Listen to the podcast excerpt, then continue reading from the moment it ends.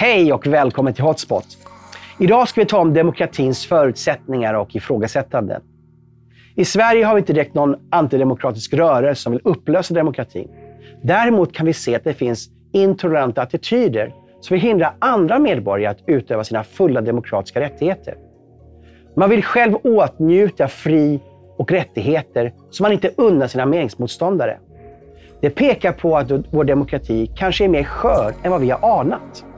Dagens gäst, Sten Widmalm, professor i statskunskap, har forskat i ämnet kring demokratiutveckling och varit med att ta fram en bok, Skör demokrati, det öppna samhällets motkrafter i svensk offentlig debatt, kultur och forskning.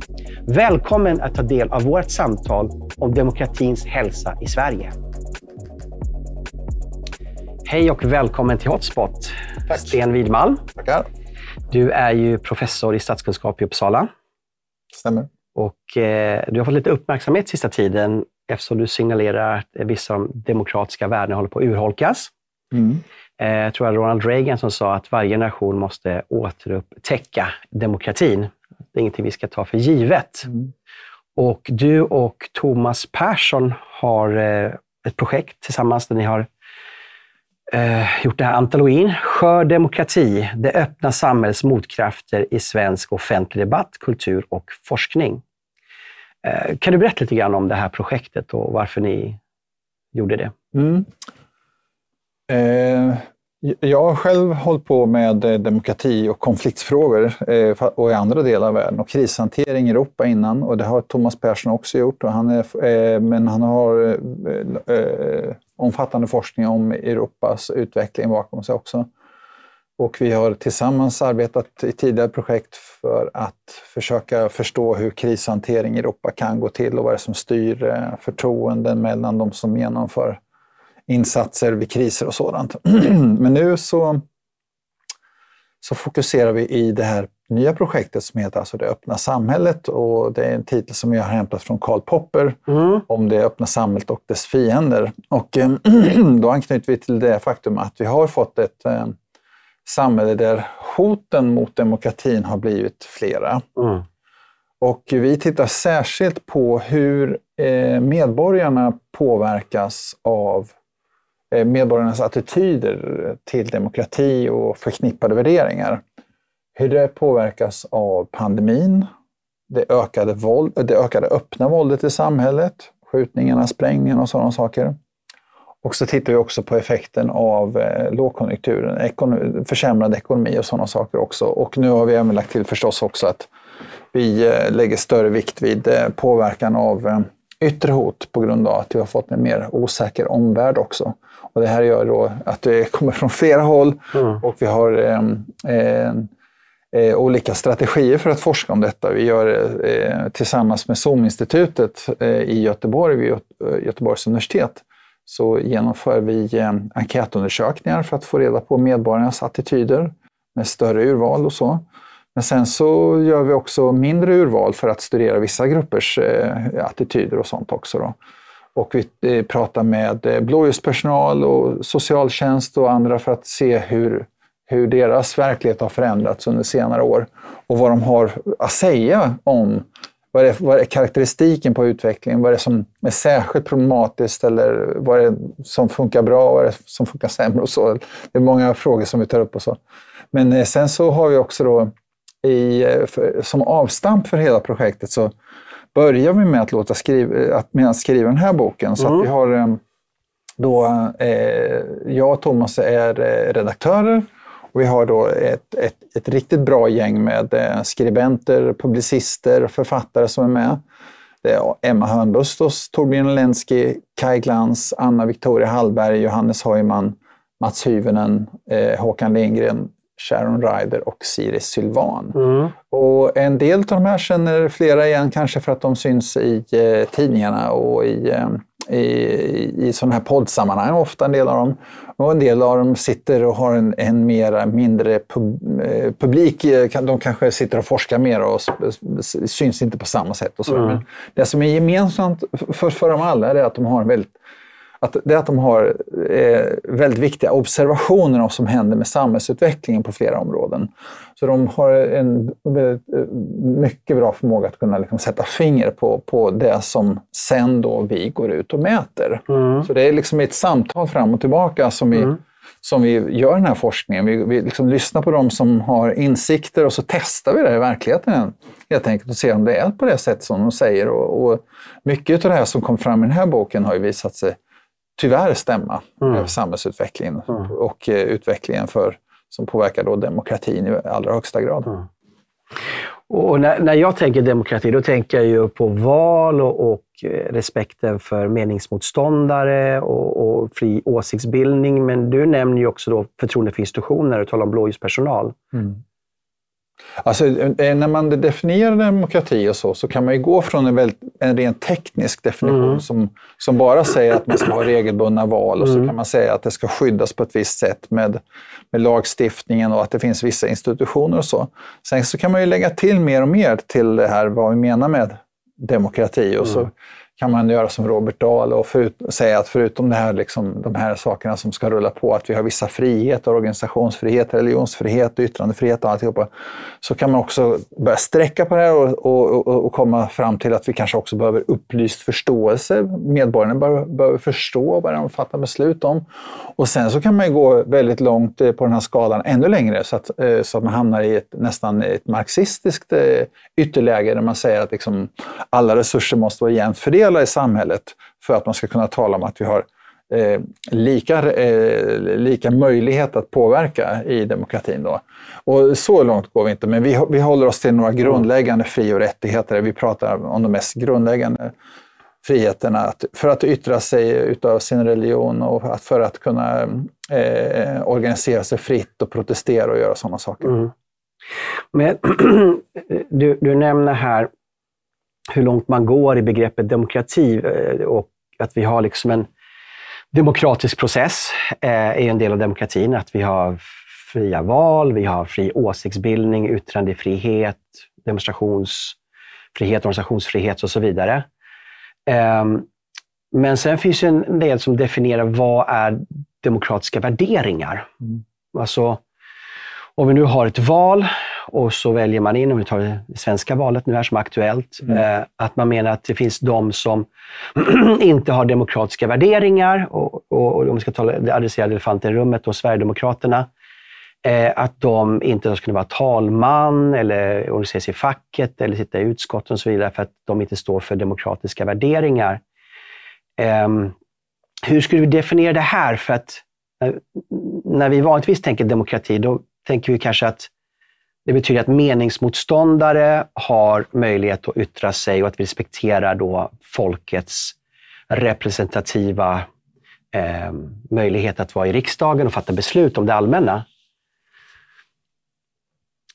Ja, ja eh, precis. Vad jag, vad jag menar är att, att har liksom det skett en förskjutning vad man menar som är legitim, vad som är legitimt i, det, i de här valen och vad man ska respektera. Därför att man vet att vissa människor, om vi nu går till Karl Popper, jag kommer komma till det strax, att, att om vi är toleranta mot de intoleranta så kommer de intoleranta vinna till slut och göra slut på toleransen. Mm, att det är också demokratin. ja. Demokratin, ja. Mm.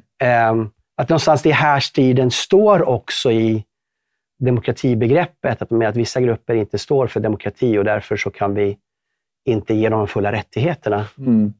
Ja, men det, det, är, det är ju en, eh, det är en viktig fråga för att man måste, så att säga, om, om du är född och det här har Jürgen Habermas också pratat om, att mm. om man liksom sträcker ut eh, eh, sin egen om man sträcker ut rätten, rättigheterna till de som är uttalat antidemokratiska, då, då är det inte längre egentligen politisk tolerans vi pratar om. Det är liksom någon slags platthet för, för, för rättigheterna. Vi lägger mm. oss liksom platta för att vem som helst ska kunna liksom få en viss rättighet, liksom, oavsett vad, vad den har för åsikter själv och så vidare.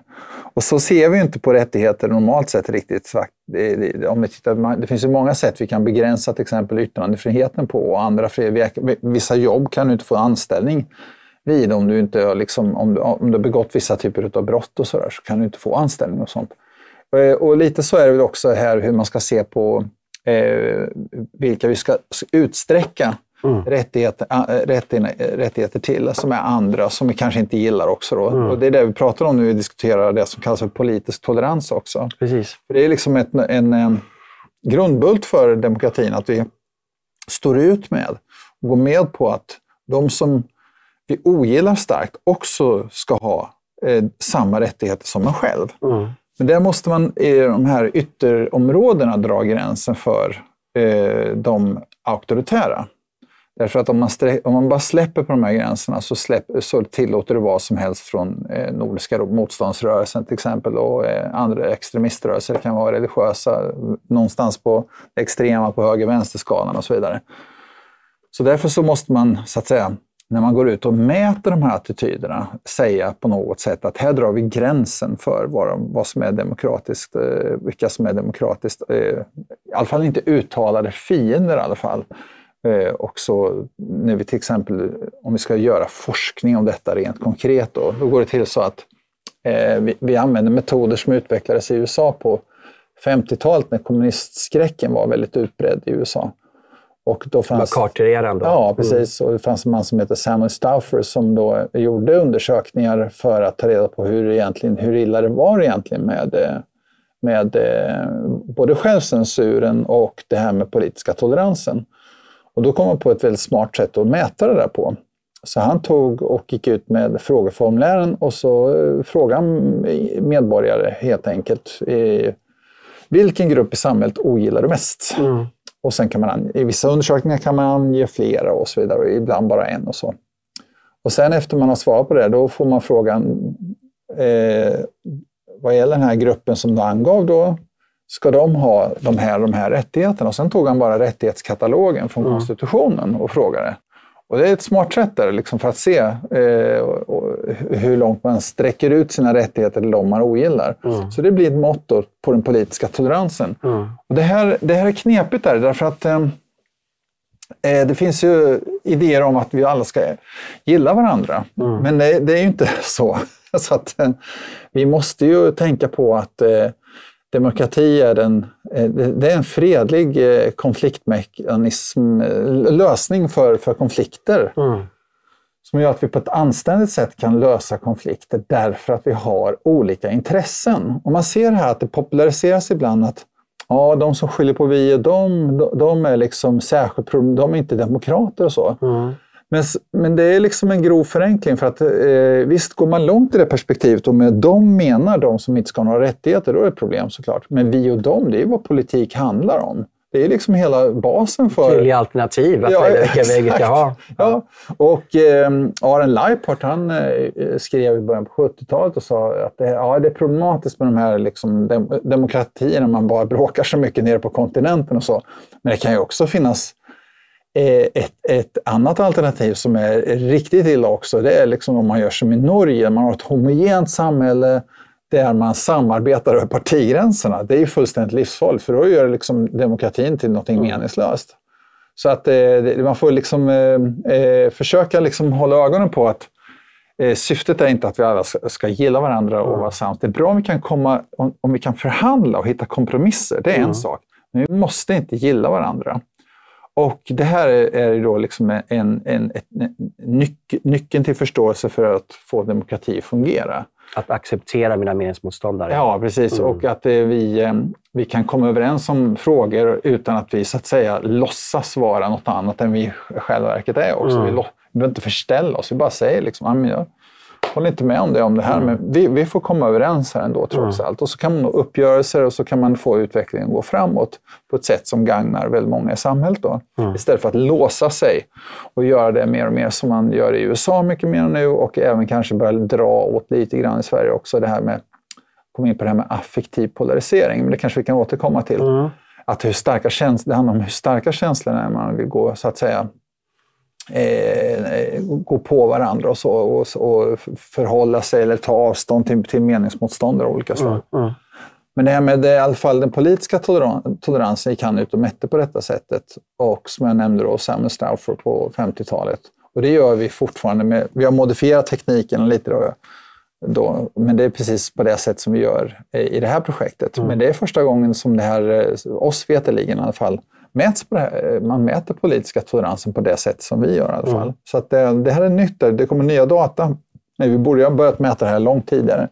Så att vi, måste, vi, vi står för de första mätpunkterna nu. Mm, precis, jag tänkte komma in på de här mätpunkterna sen och titta på trender. För ni har ju i, i jag vet inte om det här boken är, annars har sett att det har två mätpunkter i USA, men bara en mätpunkt i Sverige. Vi kan komma in på det sen. Mm. Jag.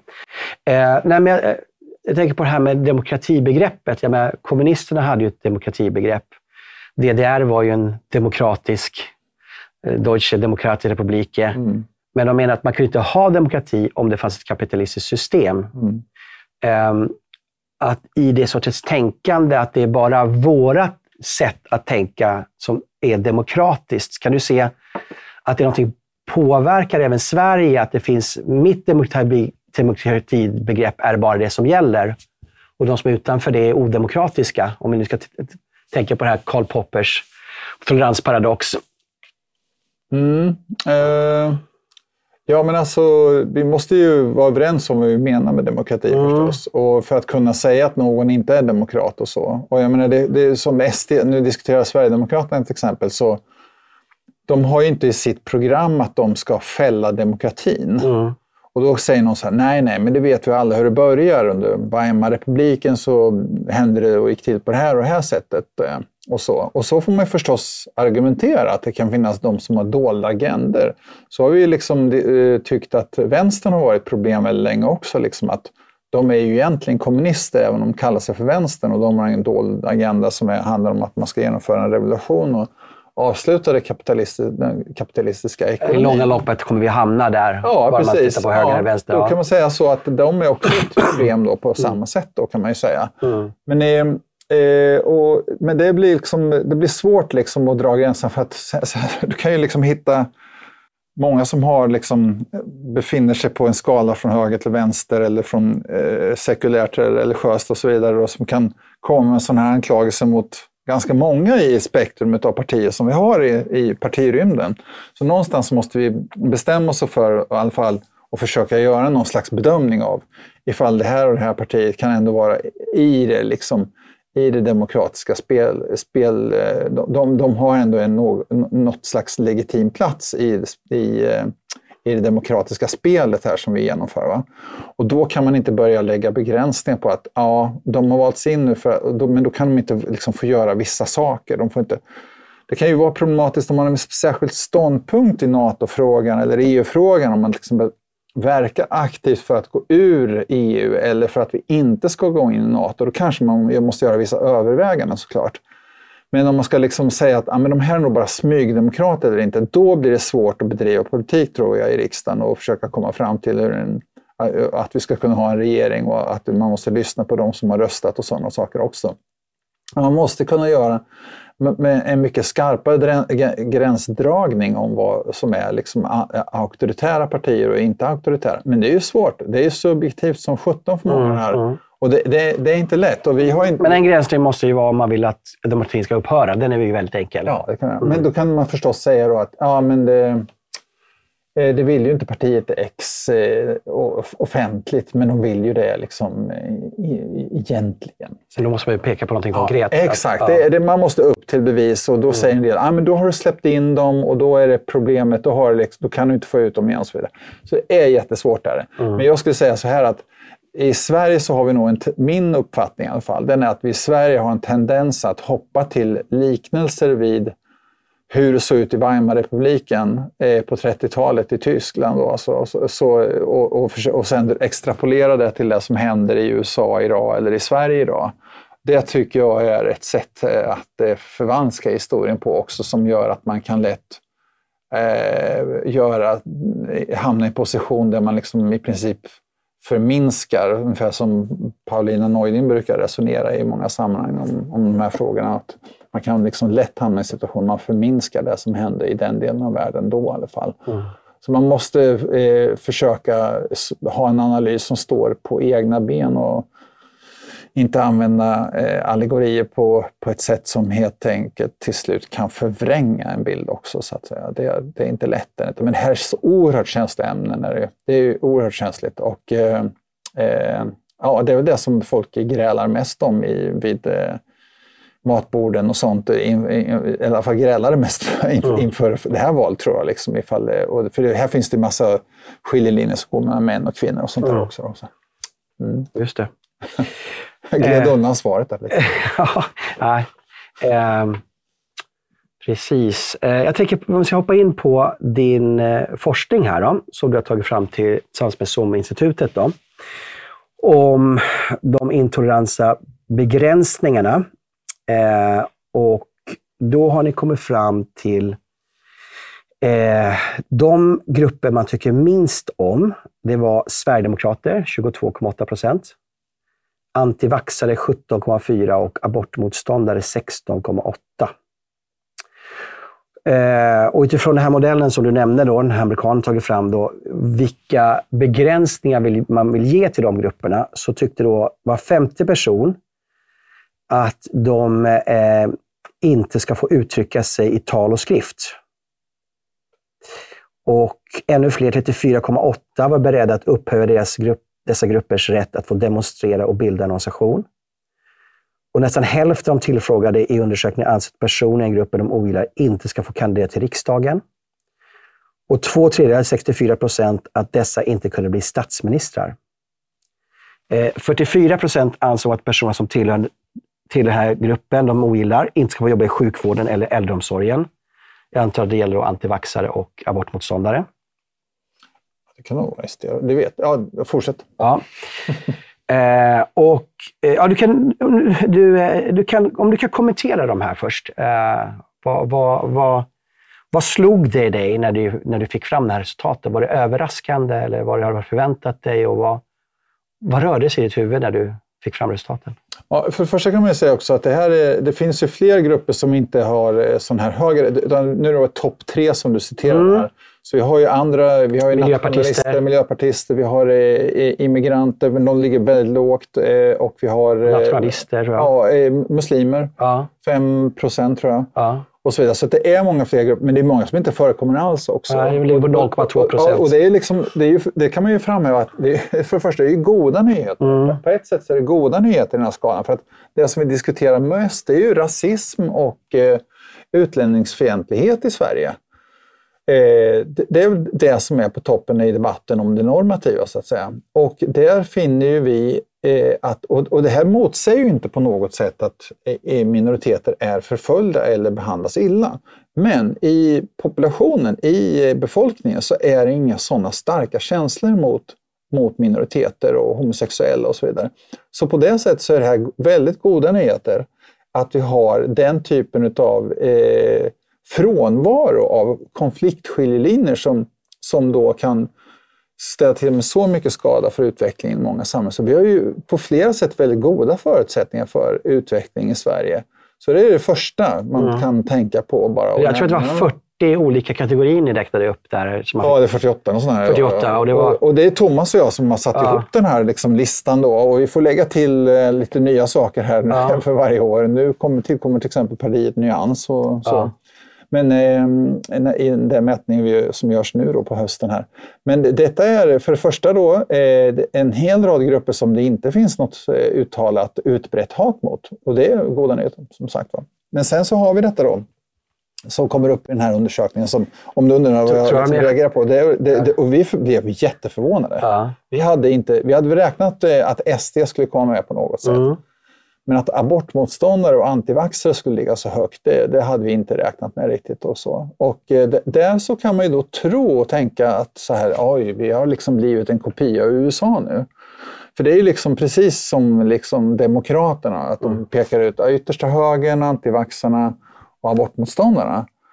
För, och, jag menar, antivax-problematiken, eh, eh i USA så blev till slut munskyddet en, en politisk symbol för mm. Demokraterna kan man säga. Det, det, det, det gick ju väldigt långt där. Men det, och, och då kan man säga att ja, det finns en likhet på så sätt att det är såklart så att ju längre åt vänster du går på höger-vänster-skalan, om man tittar på partisympatier hos de som har fyllt i enkäten, då, då kommer de längre från Sverigedemokraterna såklart och uttrycker sin, sin, eh, sina känslor mot dem. Så. Men det här med antivax och abortmotståndare, antivaxare och abortmotståndare, det är utspritt över alla partier kan man säga, ganska jämnt. Så att det, det är liksom en mer generell uppfattning som vi lyckas plugga in i. Då. Och det här är ju frågor som är oerhört knepiga att hantera därför att det är mycket i början, om vi tar antivax-frågan mm. till exempel. Då, först. För det var ju så här i början på pandemin att eh, det var självklart vad som gällde. Mm. Och det kom ju... Eh, Får jag bara avbryta? När var er mätperiod? Det, den var förra hösten. 2021 då? Ja, mm. precis. Så det var före Ukraina. Mm, jag bara tänker på liksom hur, pand hur intensiv pandemidebatten var. Och, ja. förlåt, hur, apropå corona. Eh, inte corona, men Eh, nej men eh, hur, hur, hur mycket rädsla det fanns bland befolkningen. Ja, ja visst. Ja, ja. Nej, men, eh, så att det är klart. Eh, men, eh, och det, det, men det är det vi vill fånga, vi vill ju fånga upp liksom precis hur man kopplar till pågående händelser och, sånt som är liksom eh, viktigt framträdande i samhällsutvecklingen. Mm. Så här. Och det är ju, de senaste åren så har det ju varit det. Den, ja, nu, nu, nu har det blivit, ekonomin har ju tagit nästan första platsen nu här mm. på senare tid. Men framför allt ökade våldet och pandemin och sen nu även då eh, hotet utifrån som sagt. Mm. Nej, men det var förra året vi gjorde eh, denna undersökningen och där eh, så var det ju så i alla fall som sagt var i början på pandemin så var det ju spiksäkert vad som var rätt åtgärder. Mm. Man hade också prognoser som var ju väldigt dramatiska i början. Och det, det var liksom en... Eh, ett, det blev snabbt ett debattklimat som där, eh, där friheten för, eh, för vad som kunde sägas blev, det blev väldigt snäpt. Jonas Ludvigsson till exempel blev attackerad och förföljd och trakasserad av Media Watch Sweden till exempel som var en sån här dold Facebookgrupp som hade till, eh, gett sig själv uppgiften att, eh, att eh, ja, de, de, de leddes av ett, nästan ett blind hat mot, mot Tegnell och Folkhälsomyndigheten. Så att det, det, det, var liksom, det blev snabbt ett, ett, ett skyttegravsläge läge liksom med vissa med, vissa, med olika positioner. Sen så har man ju fått omvärdera det som sades, mm. det, det som sades vid på 2020. Mm. Det stämmer ju inte. Det här med lockdown till exempel, mm. det håller man med om nu. Det var en kinesisk extrem auktoritär konstruktion som skadade troligtvis fler än vad det hjälpte. Och eh, det här med hur mycket man ska vaccinera diskuteras lite mer nu och på vilket sätt man påverkas diskuteras konsekvenser. Och så. Det, är, det är inte liksom foliehattsläge på samma Nej. sätt på alla... Jag, jag tänker, ni har ju liksom tre staplar som sticker upp och sen mm. är det ett par halvsmå och sen är det jätteplatt, de här mm. övriga då, 40 någonting. Har det att göra med att media, media kan ju liksom bara fokusera liksom strålkastarljus på ett par frågor och att det egentligen driver med antipatierna och att egentligen så har vi inte så mycket emot människor, förutom när vi liksom blir på något sätt i ett läge av rädsla och, och, och eh, på något sätt man nästan hetsar upp människor mm. i vissa frågor. Och framförallt, nyanserna får inte komma fram. Jag tänker på det med antivaxare. Alltså vad, Ja. Vad betyder egentligen antivaxare? Du kan ju allt från ja, jag är emot alla vacciner, ja, till att jag är orolig för en vaccin som inte är testad. till att jag tycker att ja, men äldre kan ju ha, ta det därför att mm. liksom, de är riskgrupper. De är riskgruppen. Mm. Till att ja, men vi yngre kan ta det, men barnen behöver det inte. Alltså det, är, alltså det är en jätteskala som man då slår ihop och så använder alltid samma ord på SVT, ja. antivaxxare. Ja. Det är klart det liksom skapar en, en, mm. en, antipati i ett läge där många, väldigt många människor är rädda mm. för sitt eget liv och kanske för sina nära och kära, framförallt de äldre. Mm. Ja, men absolut, det är så. Men detta är det som var eh, särskilt eh, ett resultat i, i, eh, i början på pandemin, det, det var att ja, debattkorridoren, åsiktskorridoren eller vad man vill kalla det för, det blev väldigt smalt väldigt fort. Mm. Och att den som då liksom, så att säga, började eh, göra eller säga något avvikande, den fick väldigt mycket stryk i debatten och blev till och med förföljd och trakasserad. Mm. Och det är ett antidemokratiskt beteende som även om man har en allvarlig kris på gång så måste man kunna liksom ha en viss typ av tolerans och öppenhet och sådana saker även då. Men mm. om vi tittar på debattsidan och opinions Eh, författarna under den här perioden så är det, liksom, det är ett oerhört starkt eh, tonläge där man talar om liksom då, eh, svensk syn på staten som att det vore liksom ett DDR ungefär. Och det, det kan ju då så att säga få sina egna... Det, det ger ju liv till ett, en, en, en ny slags, ja, vad ska vi kalla det för, politisk kultur, om jag ska tycka det diplomatiskt men det är samma sak som, eh, nej, men ta abortfrågan också. Den, den var inte särskilt uppe, kan man ju inte säga, eh, på samma sätt som den kom ju att bli det efter, efter Roe vs. Wade. Ja, precis, mm. i USA. Så här. Men när vi gjorde undersökningen så var inte det här liksom en framträdande grej. Så det mm. var inte liksom bara en sån här sak som eh, media hade liksom pumpat upp liksom just då, utan det här är liksom sånt som ligger också. Det som vi hittar är ju sånt som människor reagerar på starkt, men de reagerar på andra saker också. Men just det här med aborträtten är väldigt, väldigt djupt förankrat förankrad som en rättighet i Sverige. Det är, det är bland medborgarna som man tänker om den i alla fall. Att den är, den är liksom en milstolpe i svensk eh, jämställdhetsutveckling. För, så att när man börjar ifrågasätta den så, så kanske tankarna går till eh, ja, amerikanska eh, republikaner och så vidare. Men det går ju också till Folk tänker nog mer på de här frågorna idag därför att eh, det har funnits lite debatt om det här huruvida, som handlar om huruvida barnmorskor ska kunna måste ställa upp på aborter och så vidare. Men sen också, vi har mycket mer pluralt samhälle i Sverige idag också. Det finns många som är mycket mer religiösa och för många i de grupperna så är det liksom en, en fråga som inte är på, uppfattas på samma sätt för de som har liksom, eh, födda och uppvuxna i Sverige sedan eh, två, tre generationer tillbaka. Det är stora skillnader tror jag. Jag tänker också att, att om man inte ger vad ska jag säga, utrymme för nyanserna, att man också mm. har en bild av den här gruppen man ogillar, där man aldrig får nyanserna. Att, att, att man, man, man, det framst, de får aldrig en chans att komma fram och säga vad de tycker och tänker. Låt säga att nu exempelvis, eh, som det var då under pandemin. Mm. Att man, man, man, man, kom samman, man upplevde ett yttre hot mm. och då vill man inte ge röst till tvivel, för vi liksom mm. behövde hjälpas åt. Och nu liksom det ner sig och börjar nyanseras. Mm.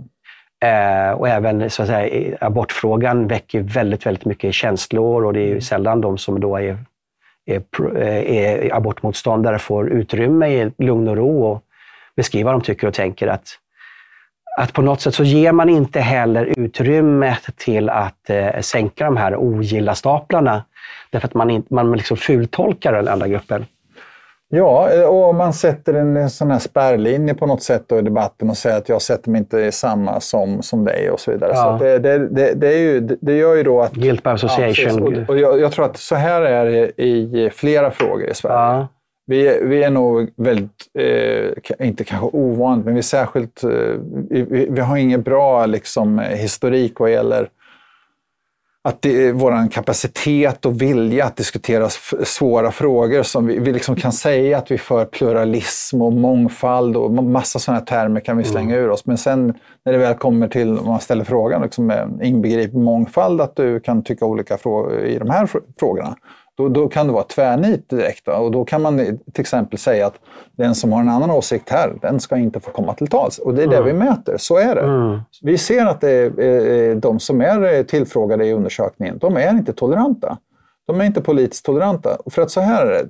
Det är en sak om man är sverigedemokrat, abortmotståndare, eller inte vill vaccinera sig eller inte vill att andra ska göra och kan kallas för antivaxare på olika sätt. Eller någonting, gör någonting utav de sakerna som andra eh, grupperna som kommer fram här håller på med och så vidare. Men då så, det är en sak att man, att man kan hålla åsikten att eh, på ett visst sätt är en politisk fråga i, i relation till det som vi pratar om då.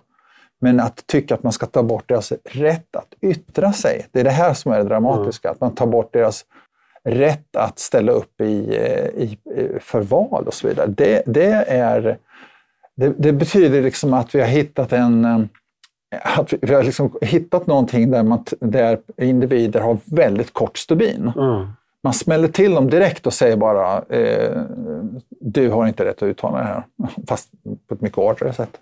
Men då, och det, det, det, har vi hittat och det har inte uppmärksammats tidigare särskilt mycket i Sverige. Men och det gör liksom, ifall vi har väldigt, och jag, jag, kan inte gå in och säga att den här frågan måste tycka så här såklart. Det är inte min uppgift Nej. som forskare. Utan, det är toleransen ja, precis, Men däremot så ser vi att om vi beter oss så här på, mm. det, här, på det här sättet och, är liksom, och har kort stubin mot varandra hela tiden, då kommer det att trycka ut åsikter ut i ytterkanterna. Mm.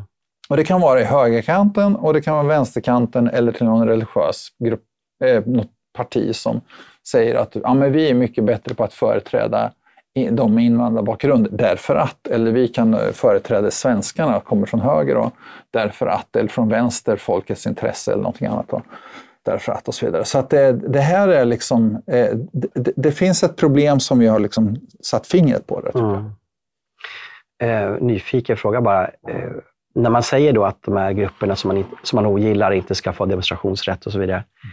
Mm. Eh, om man skulle ställa frågan, skulle ni vara intresserade att man lägger in det i lag, att det ska vara förbjudet för dem att göra det? För då på något sätt mm. drar man till yttersta, sin yttersta spets. Mm. Ja, men då kom, och skulle man, liksom, man kan hålla på, det har ju diskuterats också, ska vi göra som med aborträtten också? Mm. Ska den inte, eh, det är en rätt som man kan argumentera mycket väl för att den ska grundlagsfästas. Så att säga. Då, men då liksom hamnar vi i, det här, i ett sluttande plan också, där vi liksom, så att säga, skjuter in mer och mer i rättighetskatalogen som inte sen vi kan diskutera och ha politiska diskussioner om. Mm. Jag menar, till exempel i vilken vecka man kan få göra abort mm. eller inte. Det kan ju förändras på grund av medicinsk utveckling. Ja, precis. Mm. det, kan, det kan vara någonting som man ändå behöver diskutera ändå i alla fall. Men, men att man lägger in mer och mer i rättighetskatalogen, det kan ju vara ett sätt att döda demokratin inifrån också. Mm. För då, då, har du ingenting att rösta om till slut. Och det är det som många är oroade för kan hända om vi fördjupar EU-samarbetet för mycket. Jag säger mm. inte att de har rätt, men däremot så kan man se en viss oro som finns över, äh, som handlar om att om EU får mer makt via domstolar till exempel, mm.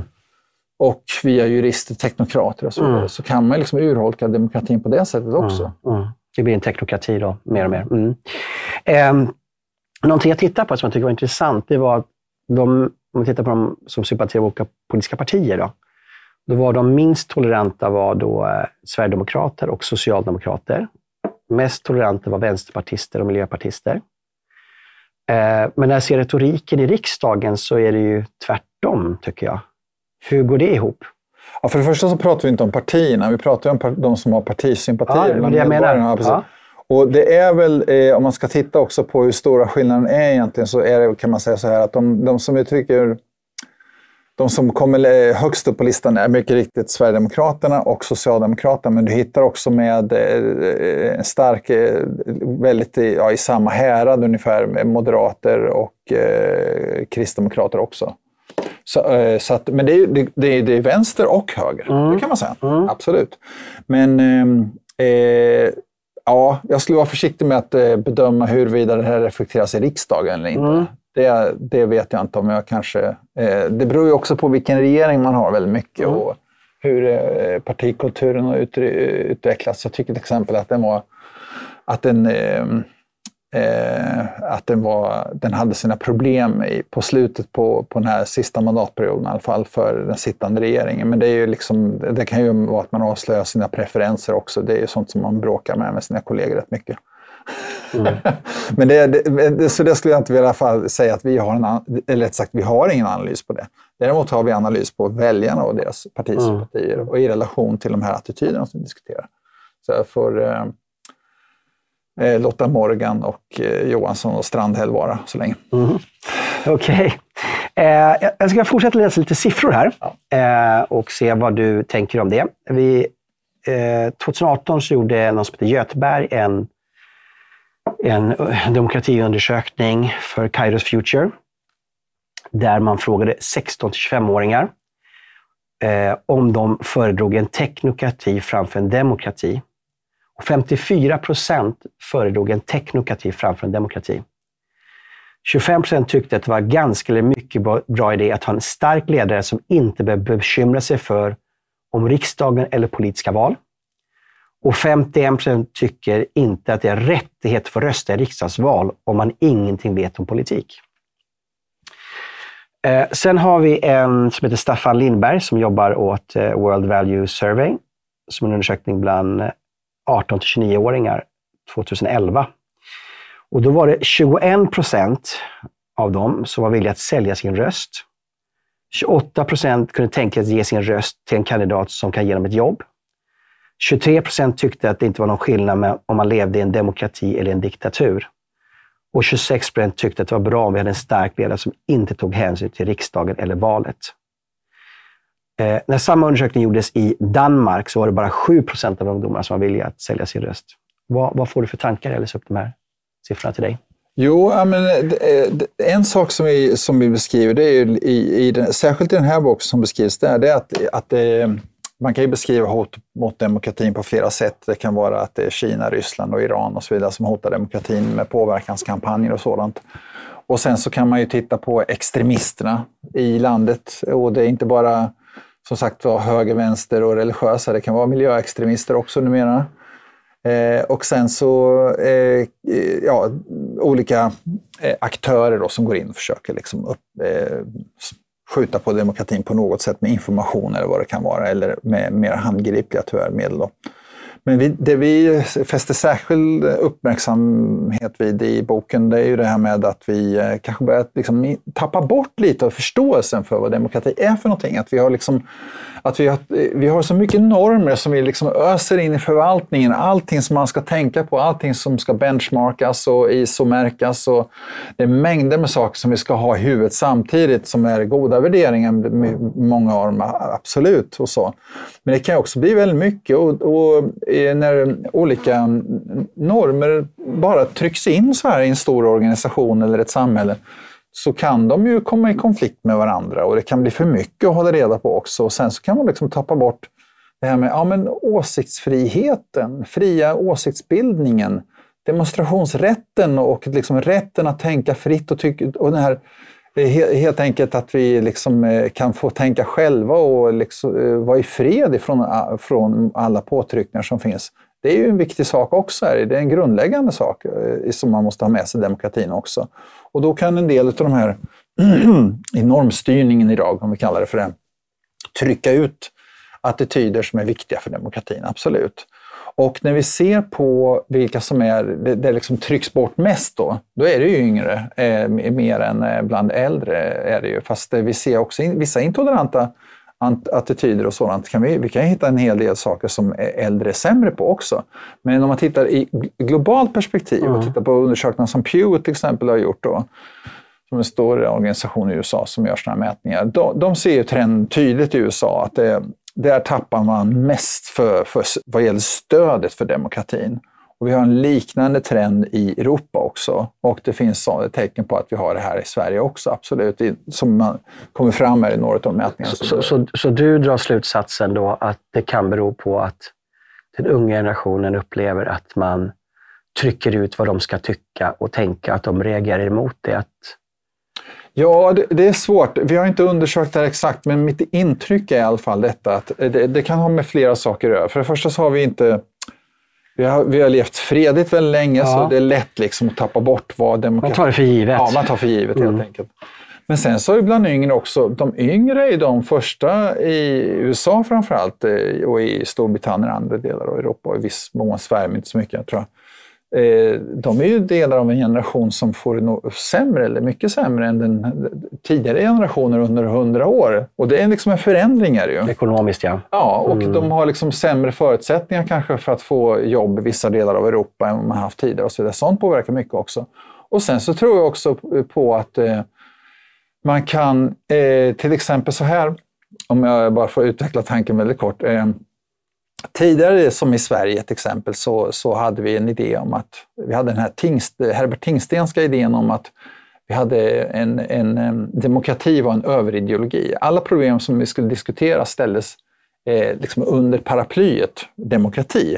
Vi, vi, skulle lösa allting inom demokratins ramar oavsett om det var jämställdhet eller om det kunde vara, fördelning och idag då skulle det gälla många andra saker som har med miljön att göra till exempel och hur vi tar hand om våldet eller migration eller någonting annat.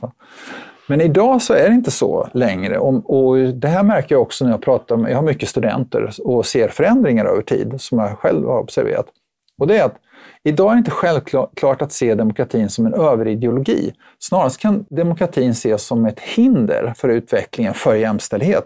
För, för mig har det alltid varit naturligt att se eh, jämställdheten, om man ska mm. kunna få en jämställd utveckling, då är det en nödvändig förutsättning att vi har demokrati. Mm. Så fungerar inte debatter idag längre. Det är samma sak också i miljödebatten. Man talar från våra parlamentariker i EU till exempel som har pratat om att man borde frysa eller pausa eh, demokratin. Och det här är ju kända filosofer och eh, miljöaktivister i Hans Sverige. Jonas har vi talat tidigare om. Ja, ja, men det finns ganska många idag som säger att man borde... För att annars så kommer planeten att dö, säger. Mm. Och det här är ett väldigt dramatiskt eh, konstaterande som jag tror i princip sänker, eh, framförallt hos unga människor, så tror jag att det sänker deras eh, vilja att eh, vara demokrater. Om man bankar in i huvudet på dem att om du inte så att säga drar i larmsnöret och upphäver kapitalismen som den ser ut idag, då kommer hela planeten snart att dö. Om man kör det här budskapet om och om igen och upprepar det, då tror jag att vi så att säga eh, gör oss själva eh, mer skada än, än vad vi behöver göra för, eller, och bör göra. Därför att eh, om du upphäver demokratin, då, förminskar, då minskar ju möjligheten ännu mer för att kunna göra någonting åt miljöförstöringen och eh, eh, växthuseffekter och alla sådana saker. Därför att demokratier är bättre på miljö än de auktoritära staterna. Och vi har en teknologisk utveckling i demokratierna som är bättre än de, i de auktoritära staterna. Och med demokratin är ett korrektiv också mot överdrivna ja. experiment. Ja. Mm. Så att det, det, är klart att man måste eh, lyfta fram i ljuset allting som har skett i demokratier under de kapitalistiska ekonomiernas eh, period så att säga i utvecklingen och visa att det här, här har vi haft rovdrift. Mm. Här har vi förstört våra egna förutsättningar för hållbar utveckling. Det måste man vara helt öppen med såklart. Men att göra om samhället till ett stängt samhälle kan ju inte då vara lösningen. Vi måste fortsätta på samma spår och bli bättre och det mm. ser vi i väst också. Ja, men ta en sån sak till exempel som att vi vi har uh, utsläppsrätter till exempel. Det är så här helt kontraintuitivt. För vanliga människor, förutom nationalekonomer, så är det en kontraintuitiv idé. Därför att, eh, jag menar att vi skulle köpa liksom, rätten att smutsa ner, det mm. låter ju vansinnigt när vi ska städa upp planeten. Men det har varit en av de mest effektiva medlen för att sänka utsläpp i Europa till exempel. Så att det, det finns ju lösningar och att säga att eh, politiker gör ingenting, som det sägs väldigt ofta i debatten, eh, för att eh, rädda miljön eller göra någonting bättre. Det stämmer inte. De gör enormt mycket för att försöka hitta lösningar och gå framåt, men utan att då kanske sänka samhället i övrigt och göra det som är det farligaste som finns. Det är nämligen att folk blir, eh, hamnar i en grav recession. Mm. För då har inte demokratin en chans heller. Mm. Eh, en annan sak som du, eller ni tar upp i den här boken, det är ju självcensur. Mm. Ehm, och eh, självcensur, det är ju för att man vågar inte säga vad man tycker och tänker, för det blir konsekvenser på olika sätt. Det kan vara socialt i min, i min, bland mina vänner eller släkt, mm. eller det kan få konsekvenser på mitt jobb. Eh, vi har sett väldigt mycket av cancel culture. Eh, hur mycket självcensur tål ett samhälle innan det upphör att vara en demokrati? Mm. Ja, det, det, finns inget sånt mått som vi kan säga, liksom, där går gränsen. Men vi ser i alla fall några vi ser tendenser som man kan diskutera vad de eh, står för och vad, de, eh, vad vi bör dra för slutsatser av det. Och det är så att det här med självcensur är liksom andra sidan av myntet eh, av det som vi eller liksom, nej, ja, det, ja, andra sidan på ett mynt vet jag inte, men i alla fall det är väldigt nära besläktat politiska toleransen. För mm. politiska toleransen handlar om mycket, jag tycker att du inte ska få yttra dig eller få yttra dig. Och eh, självcensuren är hur mycket jag säger åt mig själv att inte yttra mig. Mm. Prata öppet om saker och ting. Mm. Återigen, så under McCarthyismen i eh, USA på 50-talet så var man oroad för att det var mycket självcensur. Man vågade inte ha ett fritt samtal. Och då mättes det, eh, självcensuren genom att fråga människor ifall man la band på sig själv eller stoppade sig själv från att säga saker som kunde uppfattas som kontroversiella i sällskap. Och någonstans så måste vi alltid göra det, därför att vi, vi, vi vill inte bli som nihilisterna som alltid sa var, precis vad de tyckte om mm. andra.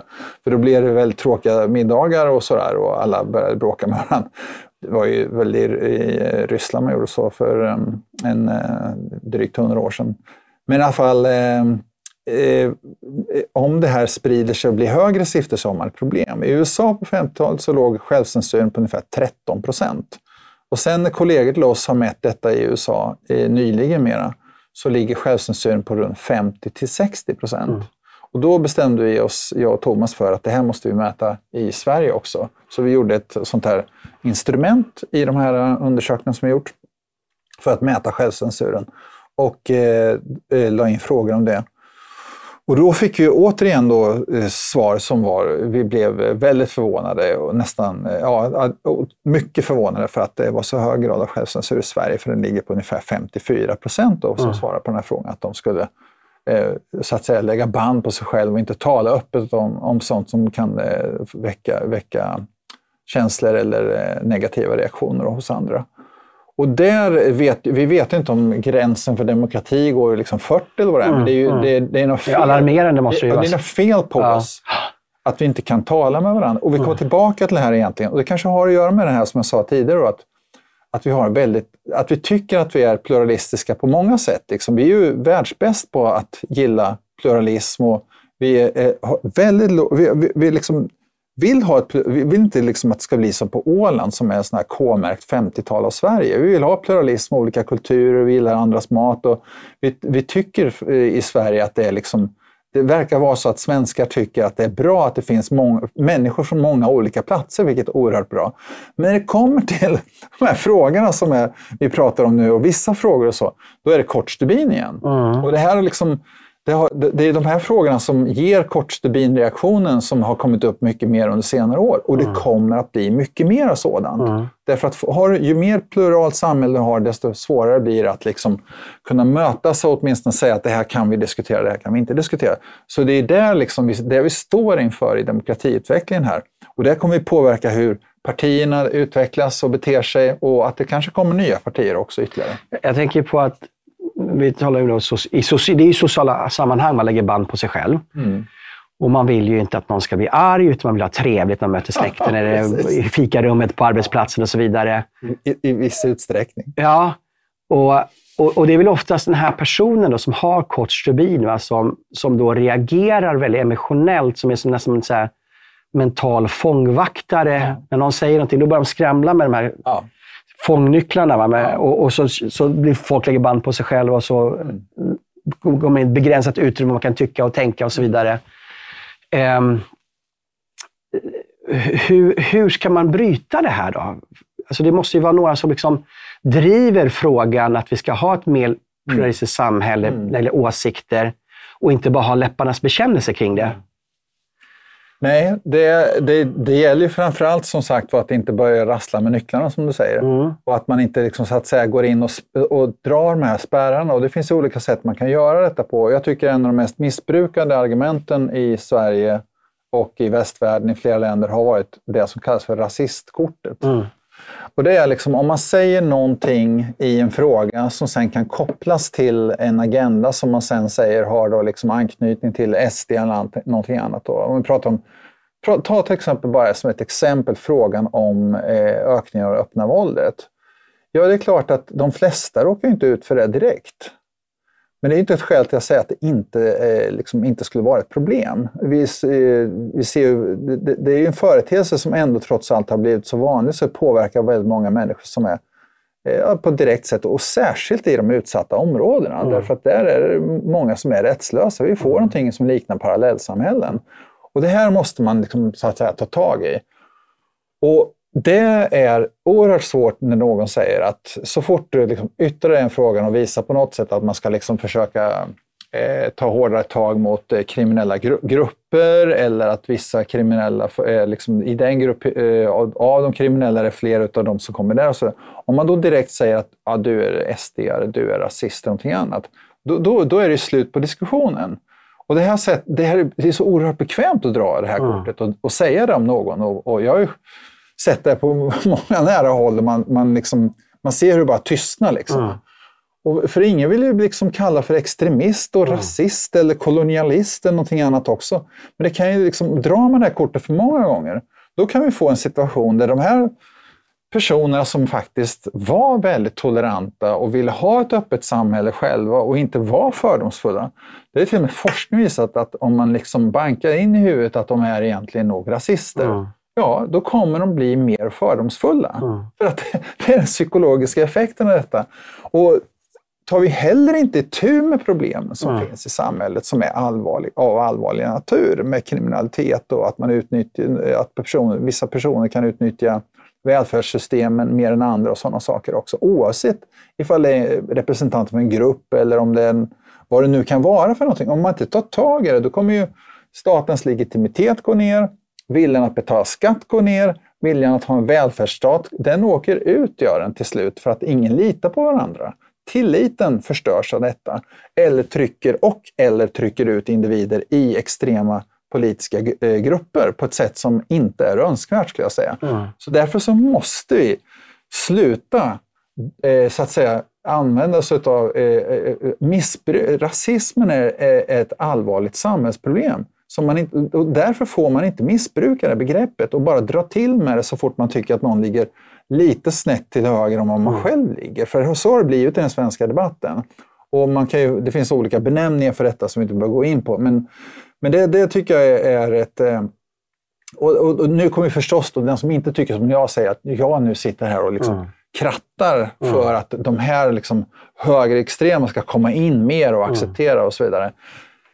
Ja, det, det, det är ett dilemma. Jag håller med om det. Jag kan se den problematiken också. Men också så, jag tror att vi har liksom ett större problem med den korta stubinen mm. och att vi liksom är oförsiktiga med benämningar och ord.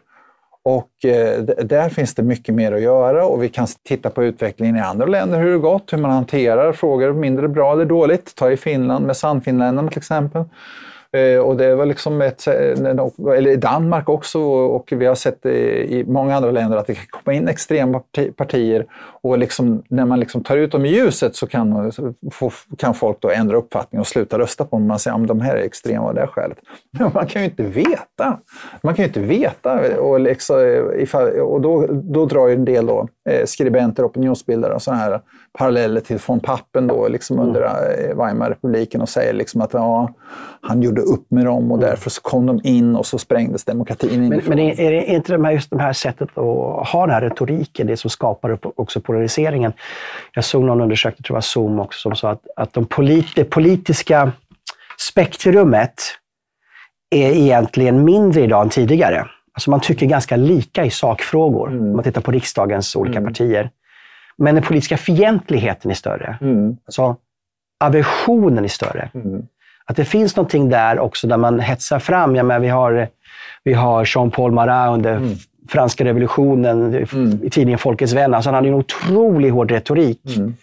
Mm. Och, och, en del menar ju liksom att hans retorik ledde till skräckväldet. Va? Och därför blev han också mördad. Va? Mm. Därför att man, hans, hans ord, han, heter, han var väldigt blodtörstig i sin retorik. Att, att i den här offentliga debatten, att, att man istället för att vilja lyssna, mm. samtala, förstå, kompromissa, hitta lösningar tillsammans, så, så skapar man större aversioner som sen liksom rinner ner, mm. ner i liksom de vanliga människornas vardag, mm. som sen blir problem på släktmiddagen. Ja, om det bara slutade där så. Ja. Men, eh, eh, nej, men visst är det så att eh, tonläget är ju, eh, kan ju vara eh, det, det är knepigt med att säga att någon har ett tonläge, tycker jag. Men för, att titta på 70-talet ja. bara, hur det såg ut i Sverige med det politiska tonläget. Mm. Herregud, liksom, det, var ju, det, var liksom, det, var rätt, det var inte helt eh, mjukistakter där heller. Var det inte, och så. Och vi hade ju extrema rörelser i demokratin eh, i Europa då, på ett sätt som eh, under, under slutet på 60-talet och under 70-talet också. Och så så det, det gäller att vi inte tappar det historiska mm. perspektivet av det skälet också. Men, men det här liksom, visst är det problem. Jag tycker liksom när det kommer till, och vi ser det i så många frågor, inte bara liksom i välfärdsstaten, immigration, ta bara miljöfrågan. Förut så var ju inte synen på kärnkraft en höger-vänster-fråga så mycket. Det är väl nu. Liksom, det har blivit en högerfråga, om du är för kärnkraft och så vidare. Så, så liksom miljörörelsen och miljöforskarna har liksom grupperat sig så att de säger liksom, om du tycker liksom, om det här om kärnkraft, då ska du inte vara med. Liksom. Mm. Och det, det, är ju Eh, eh, det har jag reagerat på eh, en del, liksom att, att, att det är så många som drar... Förut har man dragit rasistkort, men nu drar man miljökortet istället. Mm. Och så säger man liksom att ja, men om inte du tycker så här om de här energikällorna, då ska du inte få med debatten längre. Mm. Så ser det faktiskt ut idag. Och det, det, det, är inte vägen framåt. Nej. Sten, tack så jättemycket. Jag hade en batteri frågor till, men vi hinner inte med det. Tack själv. Tack att du kom och den här boken går att beställa. Skör demokrati. Jag kommer också lägga en länk här på Youtube så man kan gå in där. Mm. Annars bara söka på nätet förstås. Mm. Jättebra. Tack så jättemycket du som har lyssnat och välkommen tillbaka nästa vecka. ska vi fortsätta prata om de här frågorna. Tack så mycket. Välkommen åter.